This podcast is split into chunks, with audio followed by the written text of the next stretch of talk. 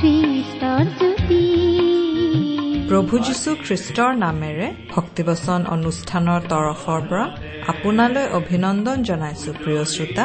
আপোনাক পুনৰ লগ পোৱাৰ বাবে অশেষ ধন্যবাদ। ভক্তিবচন অনুষ্ঠানৰ যোগেৰে আমি আপোনাৰ সৈতে বাইবেলৰ বাণীসমূহ আলোচনা কৰোঁ। এই বাণীসমূহ ঈশ্বৰৰ নিশ্বাসিত বাক্য। এই বাক্যই আমাৰ চৌপাশে থকা সকলোবোৰ দৃশ্য অদৃশ্য অনেক বিষয়ৰ সৃষ্টি কৰিলে। এই বাক্যই মানুহৰ জীৱন। প্ৰভু যীশুৱে কৈছিল মানুহ কেৱল পিঠাৰে নিজিয়ে কিন্তু ঈশ্বৰৰ মুখৰ পৰা ওলোৱা বাক্যেৰেহে জীৱ। সঁচাকৈয়ে শৰীৰটো নিমিত্তে আমি ভাত পানী ফল মূল খাব লাগে। সেয়াই ঈশ্বৰেই আমালৈ দিছে। কিন্তু আমাৰ আত্মিক আহাৰ ঈশ্বৰৰ বাক্য যদি আমি গ্ৰহণ নকৰোঁ তেন্তে আমাৰ আত্মিক জীৱনটো মৰি যাব। সেইকাৰণে আমি নিয়মিত ঈশ্বৰৰ বাক্য ভক্তিবচনৰ যোগেৰে প্ৰচাৰ কৰি আছো যাতে আপুনি এই বাক্য গ্ৰহণ কৰি ঈশ্বৰৰ জীৱনত জীয়াই থাকিব পাৰে। আহক আজি আকৌ ঈশ্বৰৰ জীৱনদায়ক বাক্য ভক্তিবচন শুনো।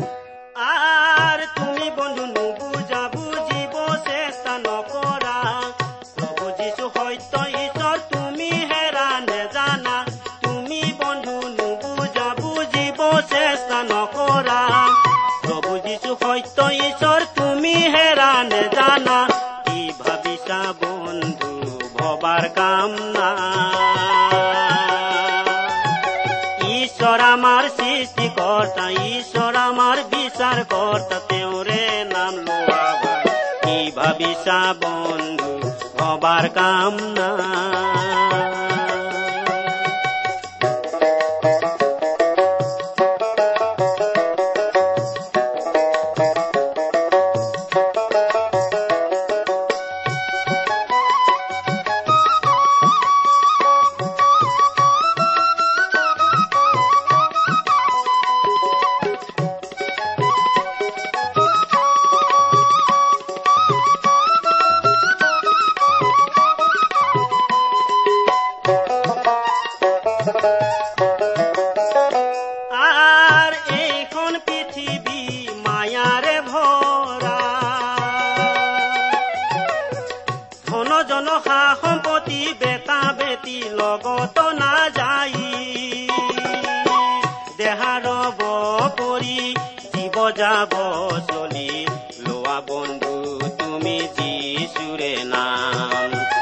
দেহাৰ কৰি জীৱ যাব চলি লোৱা বন্ধু, তুমি যিচুৰে নাম।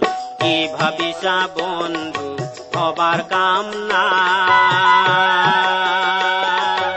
ঈশ্বৰ আমাৰ সৃষ্টিকৰ্তা ঈশ্বৰ আমাৰ বিচাৰ কৰ্তা তেওঁৰে নাম লোৱা ভাই।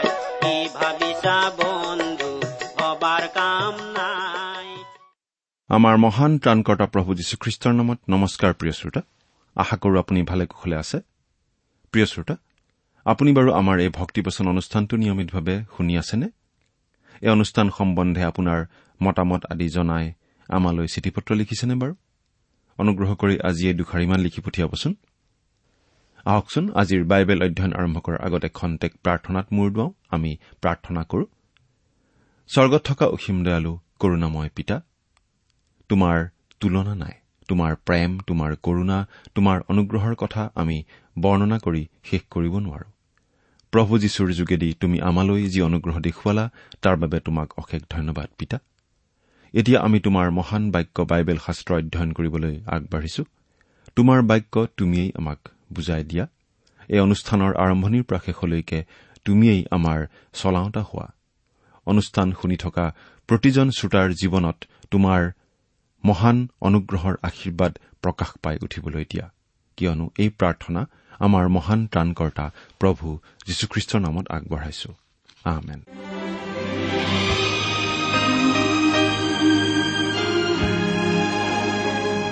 প্ৰিয় শ্ৰোতা আজিৰ অনুষ্ঠানত আমি বাইবেলৰ পুৰণি নিয়ম খণ্ডৰ বিলাপ নামৰ পুস্তকখন আৰম্ভ কৰিব খুজিছো। এই বিলাপ বা জিৰিমিয়াৰ বিলাপ নামৰ পুস্তকখনত পাঁচটা অধ্যায় আছে। জিৰিমিয়া ভাৱবাদীয়ে দিয়া ভাৱবাণীৰ পাছতেই এই পুস্তকখন লিখা হৈছে। জিৰিমীয়া ভাওবাদীয়ে যেনেদৰে বিলাপ কৰিছিল তাৰে বিৱৰণ আমি এই পুস্তকখনত পাওঁ। কোনো কোনো বাইবেল শিক্ষকৰ মতে স্বজাতিৰ আধ্যামিক নৈতিক আৰু এনেকি ৰাজনৈতিক পতনৰ বাবে জিৰিমিয়াই বৰ দুখ পাইছিল। তেওঁ আটাইতকৈ দুখ পাইছিল তেওঁৰ নিজৰ মানুহখিনিৰ থৰডিঙীয়া স্বভাৱৰ কাৰণে অনমনীয় স্বভাৱৰ কাৰণে তেওঁলোকৰ যি স্বভাৱৰ কাৰণেই তেওঁলোকৰ বাবে বৰ দুখ লগা অৱস্থা আহিব তেওঁলোকৰ নগৰ আৰু দেশ ধ্বংস হ'ব তেওঁলোকৰ তেনে অৱস্থাৰ কাৰণে জিৰিমিয়াই বিলাপ কৰি যিবোৰ বাণী প্ৰকাশ কৰিছিল সেইবোৰ লিখিত বাণীকেই এই বিলাপ পুস্তকখনত আমি পাওঁ। আৰু সেই বাণীখিনি পাঁচটা অধ্যায়ত লিখা হৈছে। প্ৰিয় শ্ৰোতা জিৰিমিয়া ভাৱবাদীৰ বিলাপৰ বিষয়টোৱেই আজিৰ আমাৰ অধ্যয়নৰ বিষয়। সকলোকেইজন ভাৱবাদীৰেই একো একোটা বিশেষত্ব আছে। জিৰিমিয়াই তেওঁৰ প্ৰভুৰ পৰিচৰ্যা চকুলোৰে কৰিছিল আৰু সেয়াই আছিল তেওঁৰ বিশেষত্ব। বিলাপ নামৰ এই পুস্তকখন যেতিয়া আমি অধ্যয়ন কৰিছো তেতিয়া আমি আচলতে জিৰিমিয়াৰ চকুলোকেই অধ্যয়ন কৰিছো। আমি আগতেই পাই আহিছো যে তেওঁ চেঙেলীয়া ডেকা বয়সতেই প্ৰভুৰ বাবে ভাৱবাদী হোৱাৰ আহান পাই জিহুদাৰ ঈশ্বৰ প্ৰেমী ৰজা জুছিয়াৰ দিনৰ পৰাই ভাৱবাদীৰ কাম কৰি আহিছে। জুছিয়া ৰজাৰ মৃত্যুৰ পাছত জিহুদাৰ জিহুৱাহজ জিহুৱা কিম জিহুৱাখিন আৰু চিডিকিয়া ৰজাৰ লগতো তেওঁ কাম কৰিছিল। জছিয়াৰ সময়ৰ যিহুদী মানুহখিনিৰ মাজত এক প্ৰকাৰৰ আধ্যামিক পুনৰ জাগৰণ হৈছিল। কিন্তু তেওঁৰ পাছৰ বাকীকেইজন ৰজা ঈশ্বৰবিহীন লোক হোৱাৰ বাবে তেওঁলোকৰ সকলো প্ৰজা ৰজা যেনে প্ৰজাও তেনে হৈছিল অৰ্থাৎ ঈশ্বৰৰ প্ৰতি পিঠি দিছিল। যীহুদাৰ ৰজা আৰু প্ৰজাসকলক ঈশ্বৰে বৰ দয়া কৰি তেওঁৰ দাস জিৰিমিয়াৰ জৰিয়তে তেওঁলোকৰ পাপ পথৰ পৰা ঘূৰি ঈশ্বৰৰ সন্তানৰ দৰে চলাৰ পৰামৰ্শ আৰু আদেশ আৰু নিৰ্দেশ দিছিল। কিন্তু তেওঁলোকে তাৰ বিৰুদ্ধে এক ধৰণৰ বুঢ়া আঙুলিহে দেখুৱাই দিবলৈ মৰসাহ কৰিছিল। আৰু ঈশ্বৰৰ ওপৰত নিৰ্ভৰ নকৰি মানুহৰ ওপৰতহে তেওঁলোকে নিৰ্ভৰ কৰিছিল। ঈশ্বৰক বিশ্বাস নকৰি তেওঁলোকে মানুহকহে বিশ্বাস কৰিছিল। তাৰ ফলত ৰজাকেইজনৰ আৰু লগতে জিৰচালেমৰো যি ধৰণৰ পতন ঘটিল তাক জিৰিমিয়াই নিজ চকুৰে দেখা পাইছিল।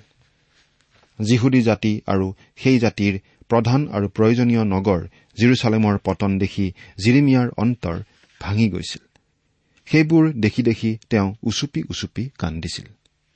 আচলতে দীঘল কথা ছুটিকৈ কবলৈ হলে এই জিৰিমিয়াৰ বিলাপ পুস্তকখনত আমি জিৰিমিয়াৰ অন্তৰখন দেখা পাওঁ।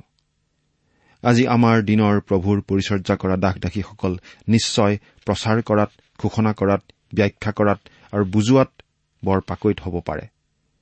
বাইবেলৰ জ্ঞানো হয়তো বিশাল হ'ব পাৰে।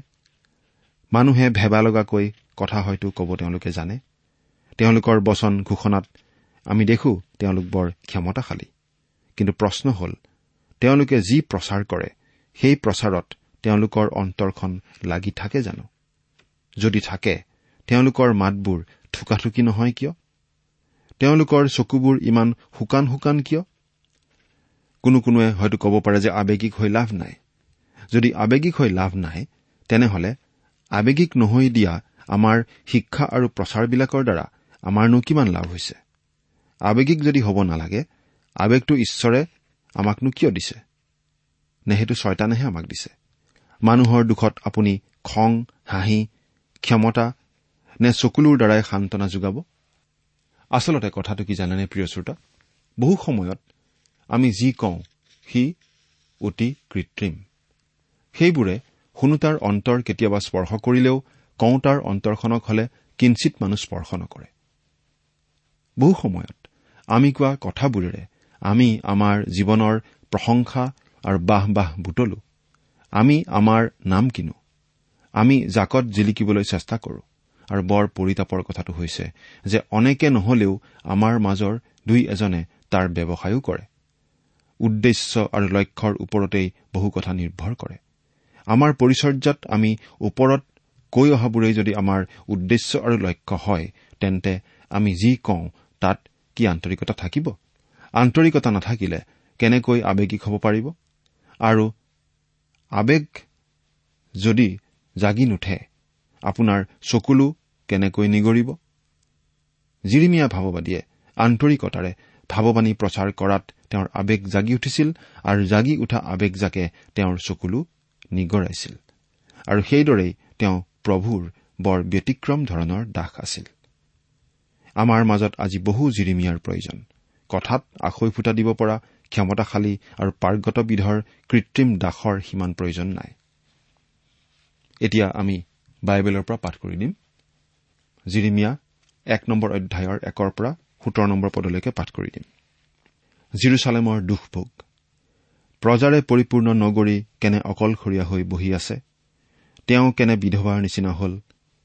যিজনী জাতিবিলাকৰ মাজত মহতি আৰু প্ৰদেশবোৰৰ মাজত ৰাণী আছিল তেওঁ কেনে কৰদাত্ৰী হল?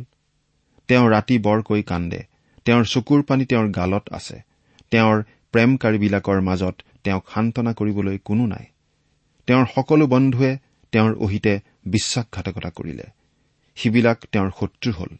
দুখ আৰু টান বন্দীকামৰ নিমিত্তে জিহুদা দেশান্তৰলৈ গ'ল। তেওঁ জাতিবিলাকৰ মাজত বাস কৰিছে। তেওঁ একো বিশ্ৰাম নাপায়। তেওঁৰ পাছে পাছে খেদি যোৱাবিলাকে ঠেক বাটত তেওঁক লগ ধৰিলে। পৰ্বতলৈ কোনো নোযোৱাত চিউনৰ পথবোৰে শোক কৰিছে। তেওঁৰ আটাই দুৱাৰ ধ্বংস কৰা হল। তেওঁৰ পুৰোহিতবিলাকে হুমুনিয়াহ পেলায়। তেওঁৰ কুমাৰীবিলাক দূষিত হৈছে আৰু তেওঁ নিজে অতি বেজাৰত আছে। তেওঁৰ শত্ৰুবোৰ প্ৰধান হল তেওঁৰ বৈৰীবোৰৰ উন্নতি হল কিয়নো তেওঁৰ অপৰাধ অধিক হোৱাৰ কাৰণে জিহুৱাই তেওঁক ক্লেশ দিলে। তেওঁৰ শিশুবিলাকে শত্ৰুৰ আগে আগে বন্দী অৱস্থালৈ গ'ল আৰু চিউন জীয়াৰীৰ সকলো শোভাই তেওঁক এৰি গ'ল। তেওঁৰ অধ্যক্ষবিলাক চৰণীয়া ঠাই নোপোৱা হৰিণৰ নিচিনা হল আৰু শক্তিহীন হৈ খেদিনীয়া লোকৰ আগে আগে গ'ল।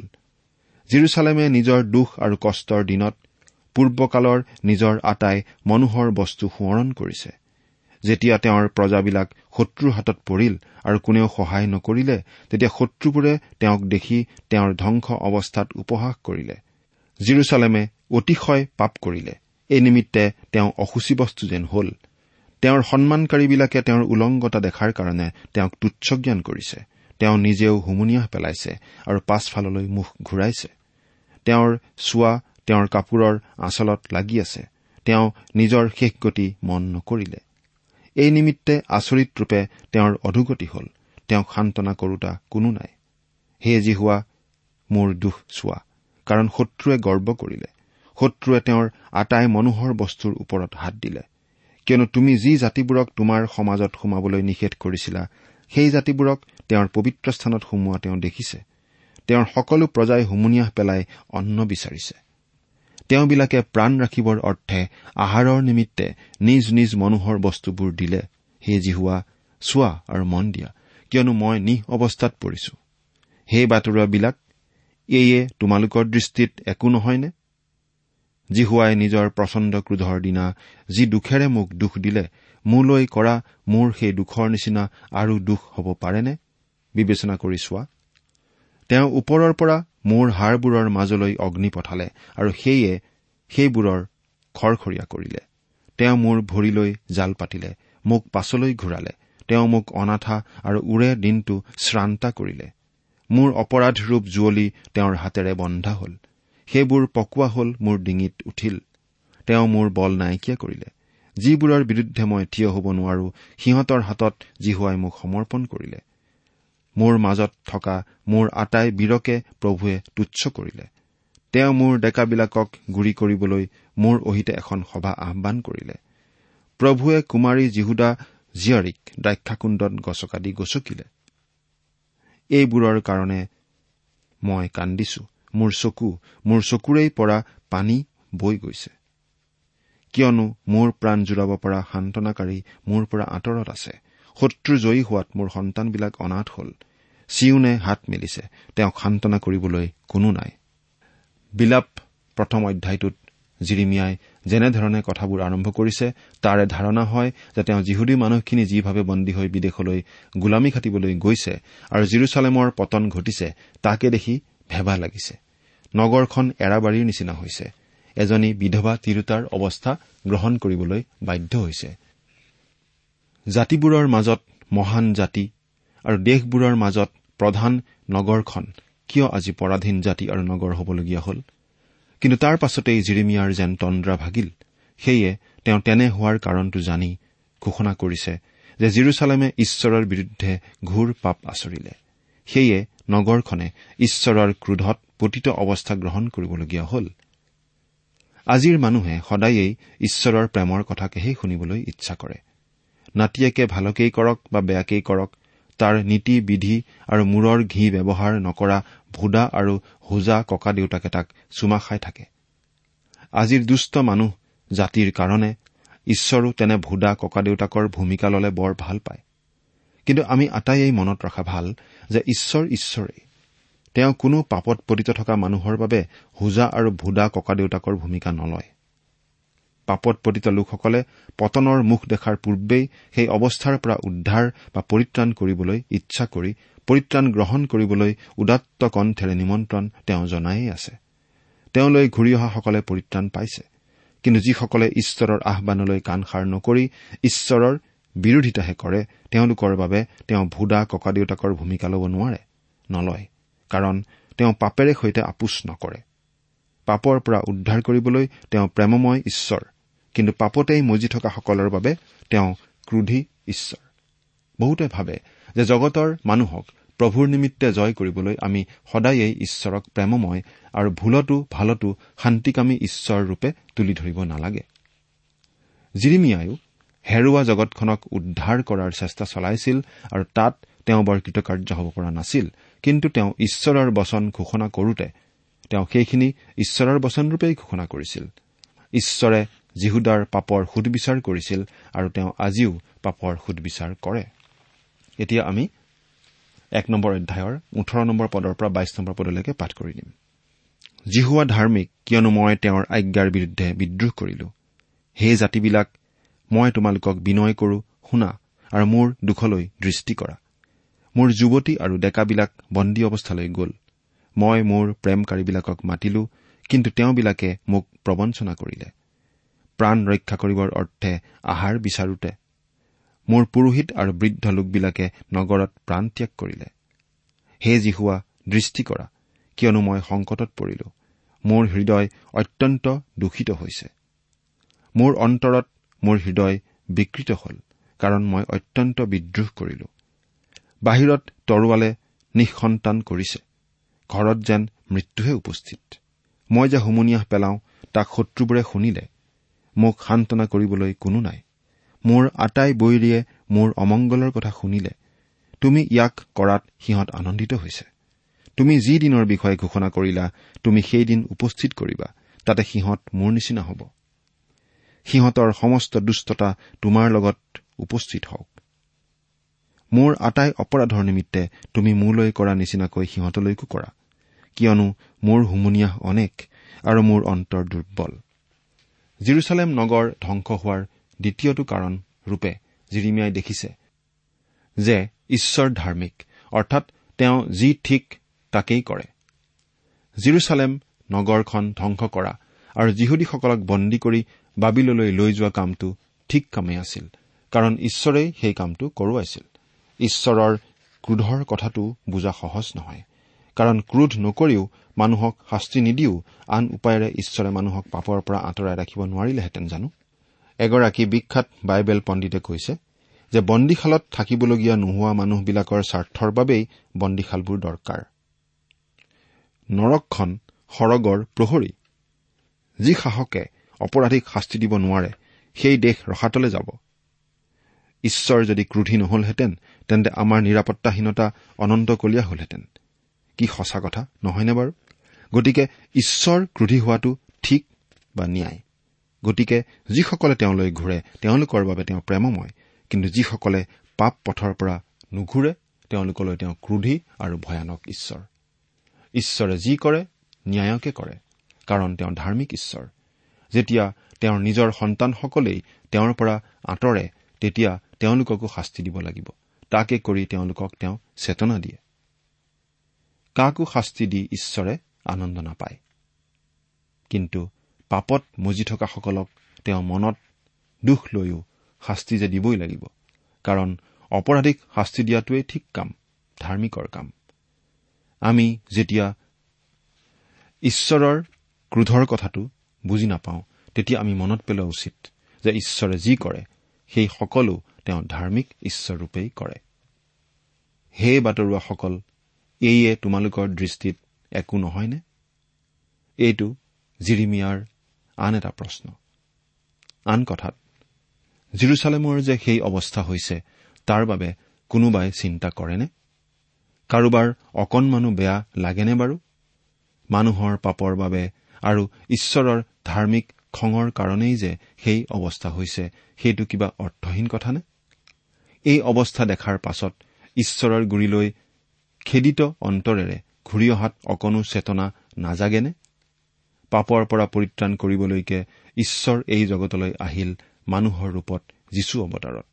সেইদৰে আহি পাপৰ পৰা পৰিত্ৰাণ পোৱাৰ মূল্যও তেওঁ বহন কৰিলে আৰু তেওঁ প্ৰমাণ কৰি দেখুৱালে যে তেওঁ প্ৰেমময়।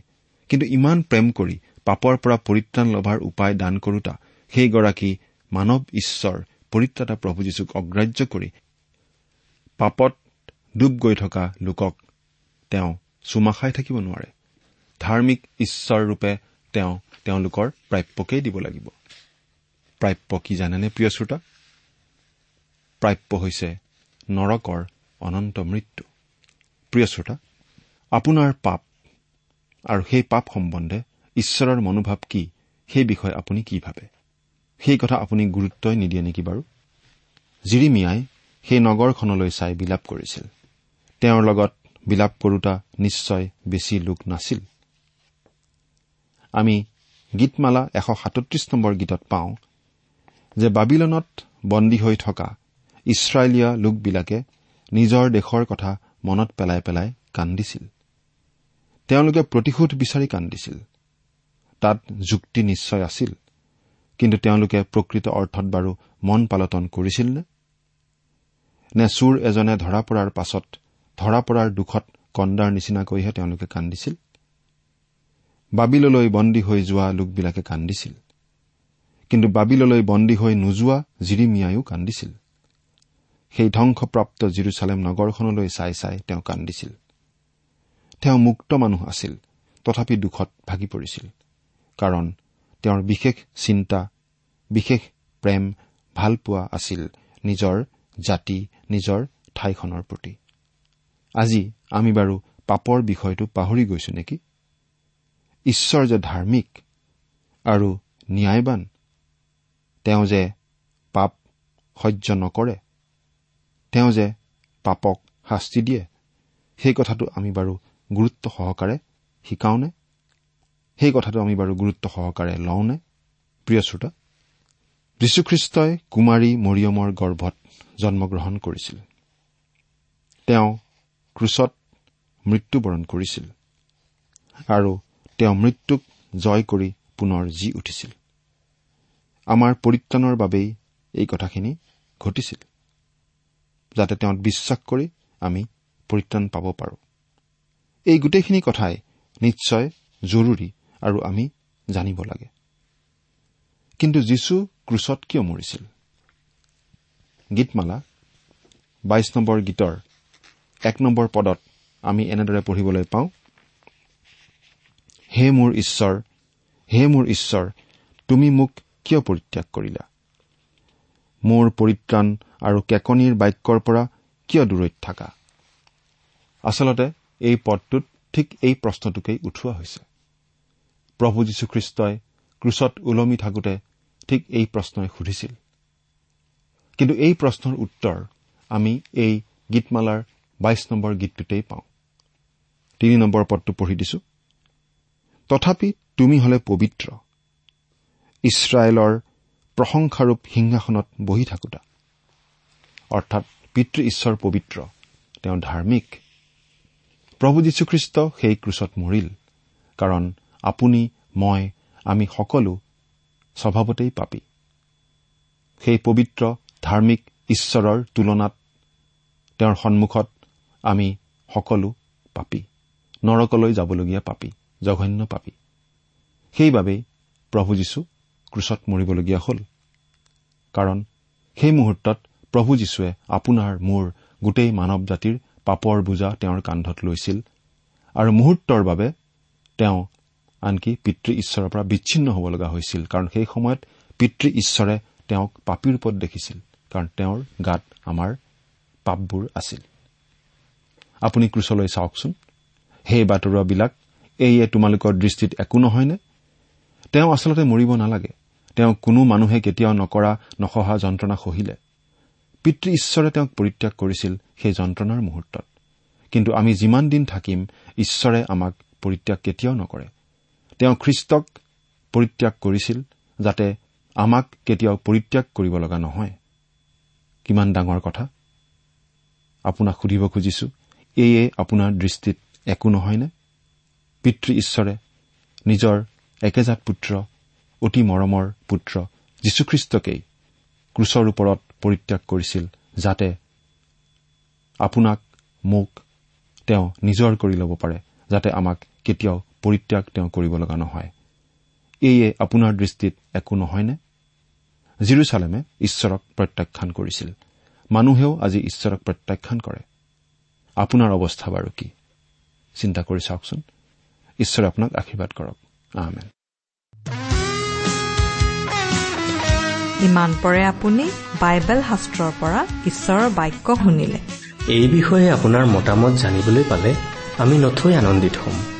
আমি প্ৰস্তুত কৰা বাইবেল অধ্যয়নৰ চিডিসমূহ পাব বিচাৰিলে আৰু অনুষ্ঠানত প্ৰচাৰ কৰা কোনো কথা বুজিব লগা থাকিলেও আমালৈ লিখক। আমাৰ যোগাযোগৰ ঠিকনা ভক্তিবচন ট্ৰান্সপল ৰেডিঅ' ইণ্ডিয়া ডাক বাকচ নম্বৰ সাত শূন্য গুৱাহাটী সাত আঠ এক শূন্য শূন্য এক। ঠিকনাটো আকৌ এবাৰ কৈছো ভক্তিবচন ট্ৰান্সৱৰ্ল্ড ৰেডিঅ' ইণ্ডিয়া ডাক বাকচ নম্বৰ সাত শূন্য গুৱাহাটী সাত আঠ এক শূন্য শূন্য এক। আমাৰ ইমেইল এড্ৰেছটো হৈছে Assamese T TV at the rate radio' eight eight two dot com.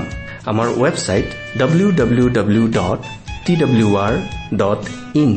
আপুনি টেলিফোনৰ মাধ্যমেৰেও আমাক যোগাযোগ কৰিব পাৰে। আমাৰ টেলিফোন নম্বৰটো হৈছে nine eight five four zero' four zero' eight eight nine.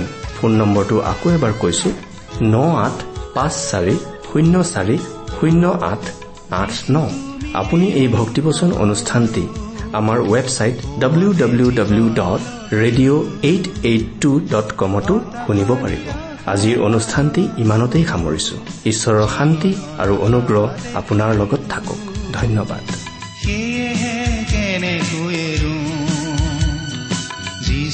তোমাৰ প্ৰেমতে থাকো সেয়েহে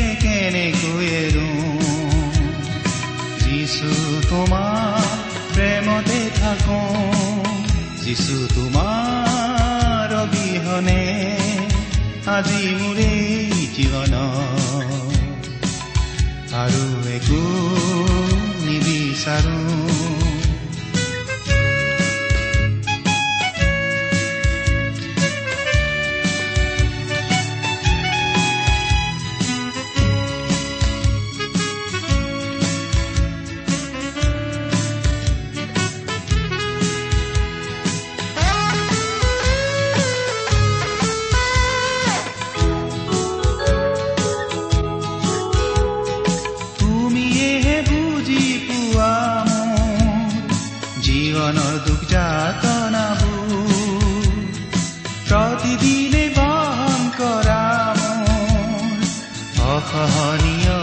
বুজাব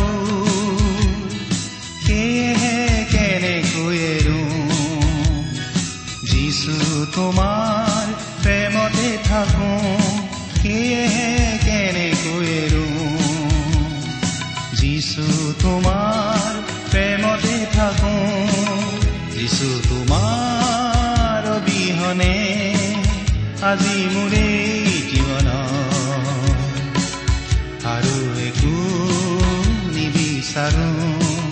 যিছু তোমাৰ অবিহনে আজি মোৰে জীৱন আৰু একো নিবিচাৰো আৰু একো নিবিচাৰো।